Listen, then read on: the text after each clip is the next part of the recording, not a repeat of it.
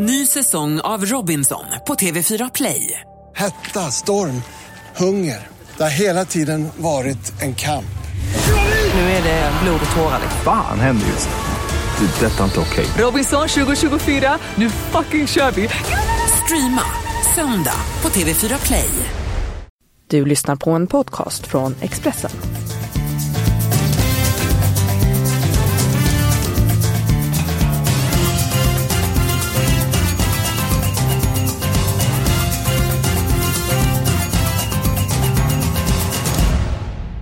Till helgen så är det jackpot på eh, Stryktipset. Eh, Premier League och The Championship är tillbaka på eh, kupongen.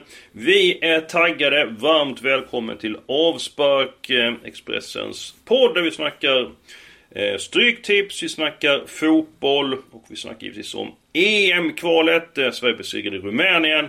Sen blev det 3-3 mot Norge i en dramatisk match. Vad säger du om Sveriges start på EM-kvalet? Fyra poäng av sex möjliga.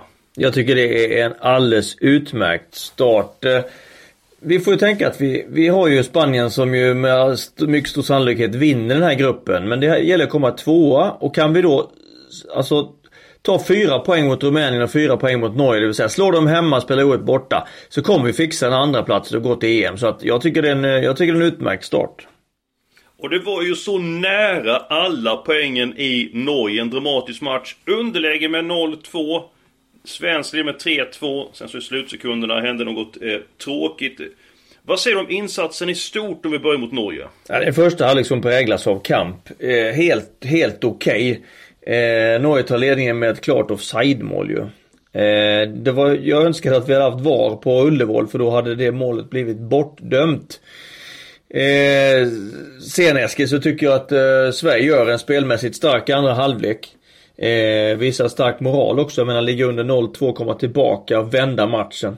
Det är ju också oerhört starkt. Bra spel, andra halvlek. Oflytt, eller tråkigt med det som händer i sista sekunden men allt i allt en fin poäng.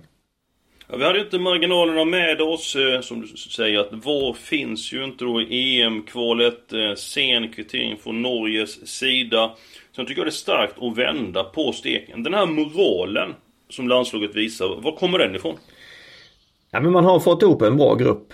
Eh, nu spekuleras det liksom i, eh, vilt i media har varit de här dagarna att det har varit eh, sprickor. Ja men det har ju stormat en del i, om landslaget. Jo men det har gjort det men det visar ju att det påverkar ju inte. Det som skrivs i media är ju inte det som sen kommer ut, inget av det som kommer ut på plan. För man visar ju en solid insats mot Rumänien. Och sen visar man ju en väldig fighteranda och moral mot Norge och sånt klarar man inte av om man har tagit skada av det som skrivits eller om det dessutom hade legat en hel del sanning i det. Och det, det visar att det, det gör det ju inte. Nej, du tänker på Emil Forsberg, då skriver om honom, att de kom till Leipzig, hade inte med landslaget. Victor Nilsson Lindelöf tackar nej för att Guidetti inte är med. Hur mycket sanning ligger i de här ryktena? Ja, ingenting tror jag. Utan eh, Ingenting? att, att Emil Forsberg åker hem. Det gör han för att han har känning i ljumskarna, han kommer tillbaka efter en lång rehabperiod och då är det så att klubblaget som betalar hans lön vill ha hem honom så fort som möjligt för att jobba med rehab på plats för att få honom i spel så fort som möjligt.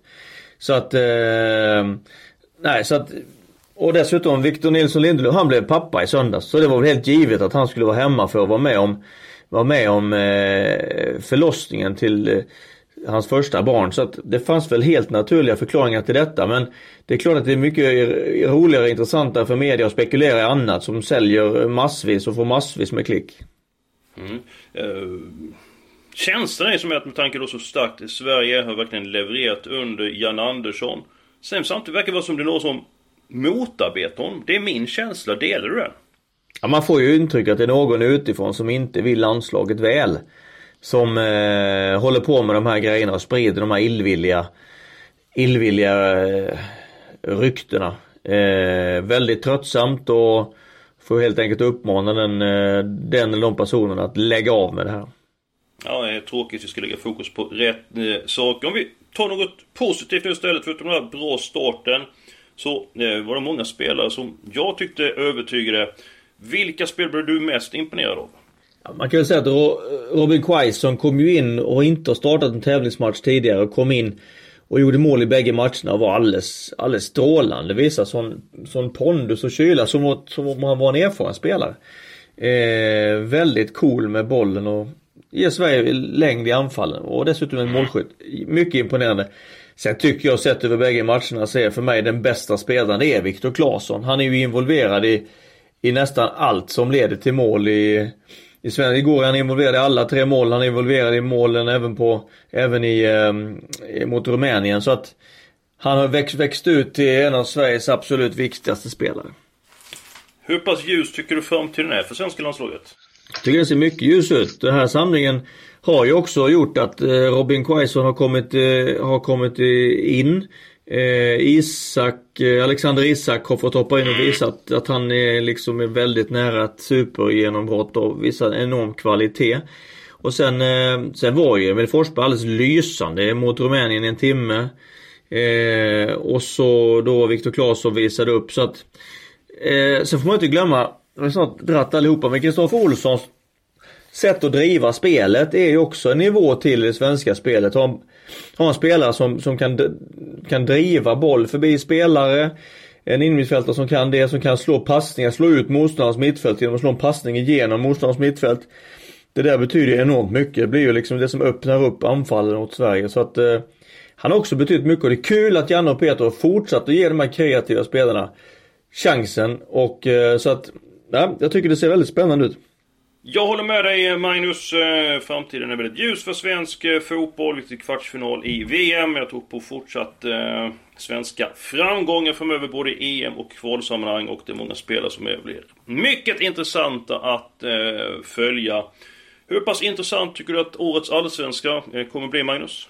Superintressant. Eh, dessutom då, eller i tillägg då kan man säga att det är ju extra intressant för att i 2020 års allsvenska delas det ut, eh, dubblas ju eh, de bidragen som eh, klubbarna, klubbarna får vilket gör att det blir en väldig uppdelning på svensk fotboll. Och att spela Allsvenskan 2020 blir en enorm skillnad än att spela i Superettan 2020 ekonomiskt. Också vad du kan satsa de närmsta åren. Så det blir lite en vattendelare i svensk fotboll. Så superintressant Allsvenska, superintressant Superettan.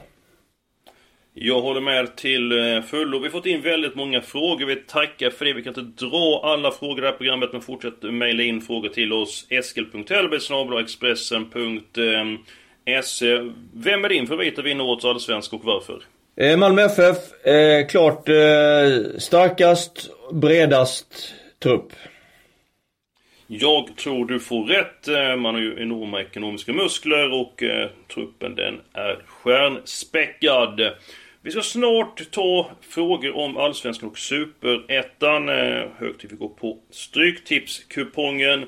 Tre stycken eh, säkra spikar den här veckan. Jag hoppas att du håller med mig Magnus. Matchen för Crystal Palace mot Huddersfield.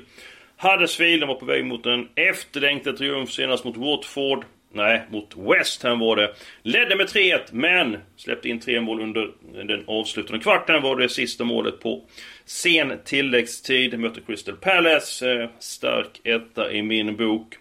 Aston Villa, när Jack Grealish spelar så brukar det bli seger. Han var borta, då blev det två stycken vinster på 14 försök. Sen så har han kommit tillbaka, då har tre pengarna avlöst varandra. Möter Blackburn. Eh, Blackburn reser till Birmingham. Och jag tror man gör det förgäves, man är inte så mycket att spela för Blackburn. Och Leeds det lag som du trodde skulle vinna The Championship spelar hemma mot Millwall. Nu förlorade Leeds mot Sheffield United och ligger inom situationstecken bara ett trea i serien. Vad tror du om Leeds chans att antingen bli ett eller två i The Championship och vad tror du om chansen mot Millwall på lördag? Stora möjligheter att klara det och i det ligger väl egentligen att vinna de återstående hemmamatcherna och eh, då gäller det att slå Millwall till helgen.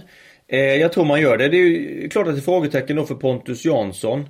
Inför den, inför den mm. matchen. Eh, men då kommer eh, Berardi är ju tillbaka. Som ju startade säsongen på mittbacksplatsen på att skada. Han är ju tillbaka nu, var i truppen senast. Så att han, han kan gå in och ta den platsen och det är en väldigt, väldigt, väldigt duglig ersättare. Sen har man fått igång Patrick Bamford också. Som ju var en prestigevärvning inför den här säsongen. Så att eh, det där är ju också en, eh, som gett Leeds en ny dimension i anfallsspelet. Det var extremt bra de här, de här matcherna, tre raka, som, som Leeds tog före förlusten mot Sheffield United. Jag tycker det ser bra ut inför helgen. Jag tror man vinner mot Millwall ganska komfortabelt. Mm. Det ligger en poäng efter Sheffield United. Ettan får gå direkt till Premier League. Blir Leeds ett eller två när serien summeras, Magnus? Ja, det tror jag.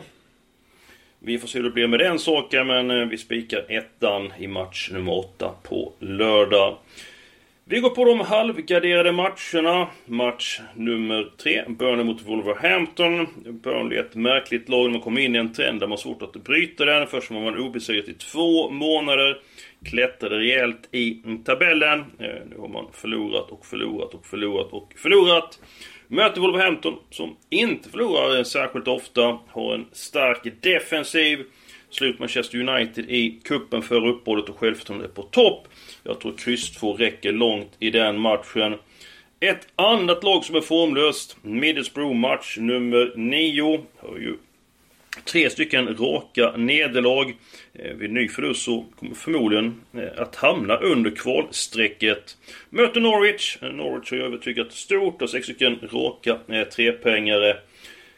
Och jag tror inte man förlorar den här matchen. Kryss 2 på den matchen. Är du redo för lite frågor om Allsvenskan? Mm, kör på! Hej och tack för en trevlig podd. Vad tror ni om Sirius? Eh, Stefan Nordström i Uppsala ställer den frågan. Magnus, börjar du. Ja, jag är inte jätteoptimistisk vad det gäller Sirius eh, möjlighet i Allsvenskan 2019. Tycker att truppen ser eh, eh, inte ut att vara bland de eh, 12-13 starkaste. Eh, vi får väl se hur, eh, hur Rydström lyckas sätta prägel och i så fall i, i, hur det tar sig uttryck. Jag, jag, är lite rädd Stefan att det kan bli så att eh, på nya, de nya studenternas att det blir eh, superettan-spel där. Eh, 2020. Ja, jag tror också de kommer i botten. Framförallt så gäller det för Sirius att vinna rätt eh, matcher match. Ändå ett spännande lag att eh, följa. Vilken spelare betyder mest för sitt lag i Allsvenskan? Jasmin Nilsson i Göteborg ställer den eh, frågan. Kan du ta ut en spelare Magnus, eller vill du nämna ett par? Du får, du får bara nämna två i sådana fall. Nej, jag tar en. Eh, vi spetsar till det. Anders Christiansen, Malmö. Eh, när han kom tillbaka i fjol sommar så blev Malmö ett, eh, ett lag med en ny dimension. Han blir en extremt, eh, blir det viktigaste spelaren för sitt lag i ett väldigt starkt lag. Ja, jag vet att du har besökt eh, Häcken under säsongen. Polinho, hur mycket betyder han för, eh, för Häcken? Han betyder mycket men han har ju dragits med lite skavanker under försäsongen och ändå har Häcken eh, levererat och gjort mycket mål och spelat bra. Så att de har visat att de faktiskt klarar sig eh, hyggligt utan Paulinho ändå. Ja, vad säger du om Häcken övrigt när du varit och kollat på dem inför säsongen? Hur pass spännande lag har de? Extremt eh, intressant. Hade ju en hygglig trupp förra året och gjorde en stark höst. Har ju nu förstärkt ytterligare. Har fler alternativ på de här offensiva platserna. Och ja, dessutom i eh, fler alternativ i backlinjen. Nästan dubbla uppsättningar som håller hög klass. Så att det ser, eh, det ser mycket intressant ut för Häcken och bör vara ett eh, topp 4-lag i år utan tvekan. Vad talar för att Häcken ska bli ännu bättre än topp 4? Vad man ska bryta då? Man ska ju helt enkelt klara av att slå topplagen. Det är ju det som har varit det stora dilemmat för Häcken. Man har spelat ut lagen i mittenlagen och lagen på nedre halvan eh, ganska komfortabelt och sett fantastiskt ut. Men mot de eh, lagen i toppen eh, och de tre översta så har man haft väldigt svårt att vinna. Och det måste man ju bryta om man, om man då ska ta sig förbi dem i tabellen. Så att eh, då måste man ta några segrar även i de matcherna. Så där ligger det Fräcken har ju en brutalt tuff bortamatch i premiär mot Malmö men jag vet att Malmö eh, har en stor, stor respekt för Häcken och det ska man ha också. Ja, Häckens offensiva besättning den inger respekt. Häcken har god chans att ta medalj men tror inte räcker till att eh, vinna eh, serien. Bra Magnus! Fler frågor kommer. Vi går på de eh, helgarderade matcherna. Sen kom jag på att jag glömde ju en halvgardering innan. Jag kom på det här nu. Eh, men då kan vi ta det nu istället. Eh, match nummer ett, Manchester United mot Watford. Manchester United klättrar ju i tabellen när Ole Gunnar Solskjaer tog som manager. Man gick vidare i Champions League, Champions League, slog ut Paris. Det var en stark insats av United. De har två raka förluster, fått tillbaka en del spelare, samtidigt har fått iväg folk på landslagsuppdrag. Watford har jag respekt för. Eh, jag tar med krysset på min kupong. Vad tror du om eh, Manchester eh, United Watford på lördag? Man ska alltid ta Watford på största allvar med den fighting spirit och, och det de har visat den här säsongen har varit riktigt bra. Men jag har en, jag har en stark tro på att United, men nu med lite bättre skadeläge jag tror ändå att det här landskampsuppehållet var bra. Även om man spelare som har varit iväg så har man ändå fått hämta sig något från det här extremt intensiva eh, Champions League och ligaprogrammet. Så jag, jag, har en, eh, jag har en god tro på att eh, United fixar detta och tar tre poäng till helgen. Men, men visst, ska man ha lite pengar på tipset, ja då får man gardera någon av favoriterna också. Ja, och snart väntar Barcelona i Champions League för Manchester United också. Så att jag tar med krysset, kan rensa bra och det är bra pengar att spela om den här helgen. Nu till de helgarderade matcherna. Match nummer två, Brighton-Southampton. Alla tecken i den matchen. Eh, Brighton har ju tagit två stycken väldigt viktiga segrar på eh, sistone. Southampton fått dåligt betalt för sitt spel. Eh, vände underläge till seger över Tottenham senast. Det var starkt gjort.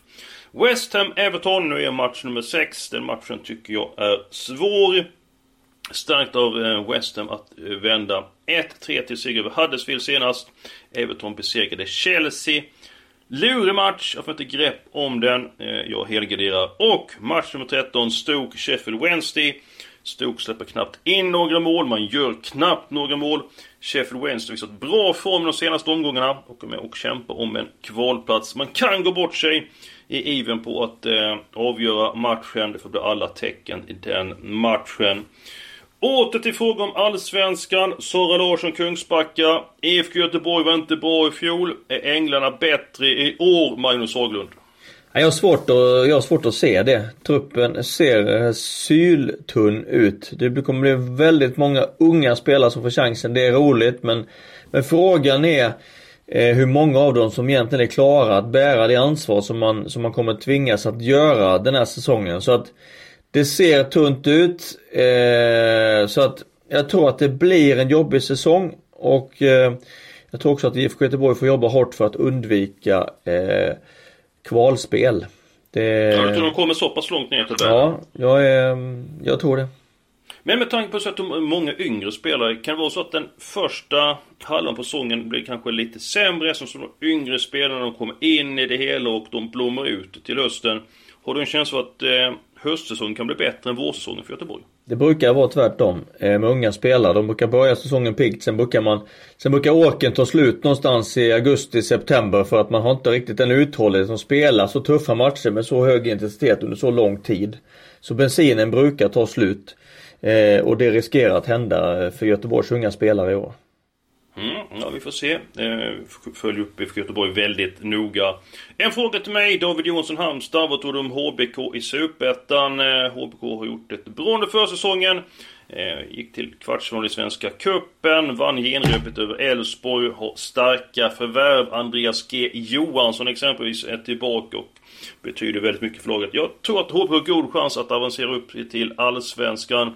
Magnus, vad tror du om Halmstad? Ja, börjar ju gälla som storfavoriter i serien. Så att eh, jättechans att eh, gå till Allsvenskan 2020. Det skulle klart betyda extremt mycket för HBK. Ja, jag hoppas verkligen att vi får rätt där. Kim Karlsson från Finspång säger så här, eh, eller ställer den här frågan. Ser Haksabanovic är tillbaka i Allsvenskan? Vad tror ni om honom i år? Eh, Sed Haksabanovic spelade i Halmstad bollklubb. Eh, såldes till West Ham. Han blev utlånad till Malaga och så vidare. Du var och besökte eh, Norrköping. Såg du Sead eh, in action? Jajamän.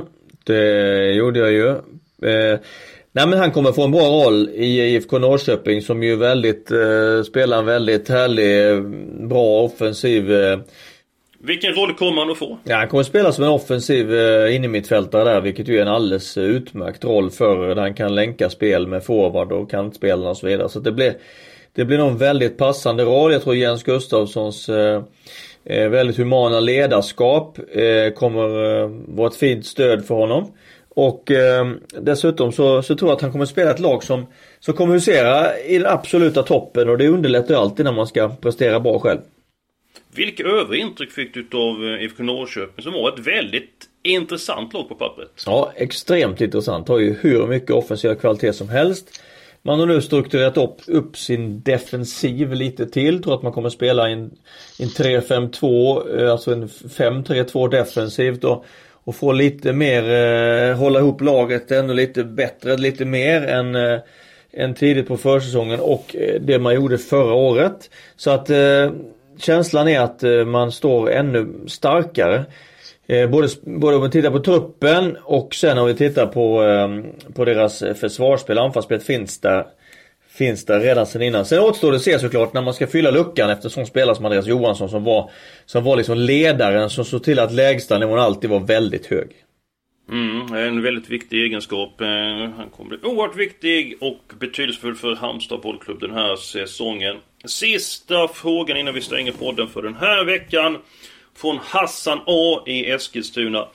AFC Eskilstuna spelar final i Svenska Kuppen. Eh, det tycker jag är starkt gjort av det laget. Vad tror ni? Eh, hur tror du att det går för laget i Allsvenskan? Lyder Hassans eh, fråga. Jag tror att eh, AFC Eskilstuna kommer vara en obehaglig överraskning för eh, många lag. Jag tycker att eh, laget har många kvaliteter. Vad tror du om AFC? Jag tror att, eh, att eh, Mansen, det vill säga min gode vän Nemanja Miljanovic, kommer att se till att AFC hänger kvar genom Genom på det sätt som man tog sig upp, nämligen ett väldigt, väldigt hårt arbetande lag, ett kompakt försvarsspel, intressanta offensiva kvaliteter framåt. Man har ju spelat från världens alla hörn, men med mycket individuell skicklighet. Man har fått ihop ett lag av detta och sen kryddat dem med Satt in Denny Avdic som ju står för rutin och stabilitet och också kommer göra en hel del mål och betyda en hel del mentalt för den här gruppen. Så att jag tycker det ser bra ut för AFC. Jag säger att de hänger kvar utan kval. Ja, placering, är det till och med topp 8 eller? Nej, det tror jag inte. Jag tror att de blir eh, 12 Ja, det är mycket bra. Det har varit mycket fotbollssnack den här veckan och eh, mycket prat om eh, Allsvenskan. Eh, är du redo för fler frågor kommande program, Magnus? Givetvis, det är ju bara roligt att försöka ge svar på dem. Och då behöver vi hjälp av er som lyssnar på den här podden. Skicka in era frågor, mejla in dem till eskil.hellberg.expressen.se så skriver vi allt vad vi kan för att ta upp så många frågor som går i nästa veckas avsnitt. Glöm nu inte att följa Allsvenskan, glöm nu inte att följa Superettan och dra igång till helgen och glöm nu för guds skull inte att lyssna på oss kommande vecka. Ha nu en riktigt trevlig helg!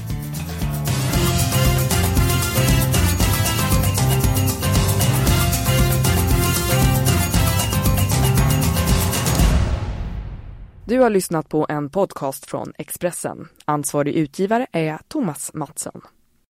Ny säsong av Robinson på TV4 Play. Hetta, storm, hunger. Det har hela tiden varit en kamp. Nu är det blod och tårar. Fan händer just nu. Det. är Detta är inte okej. Robinson 2024, nu fucking kör vi! Streama söndag på TV4 Play.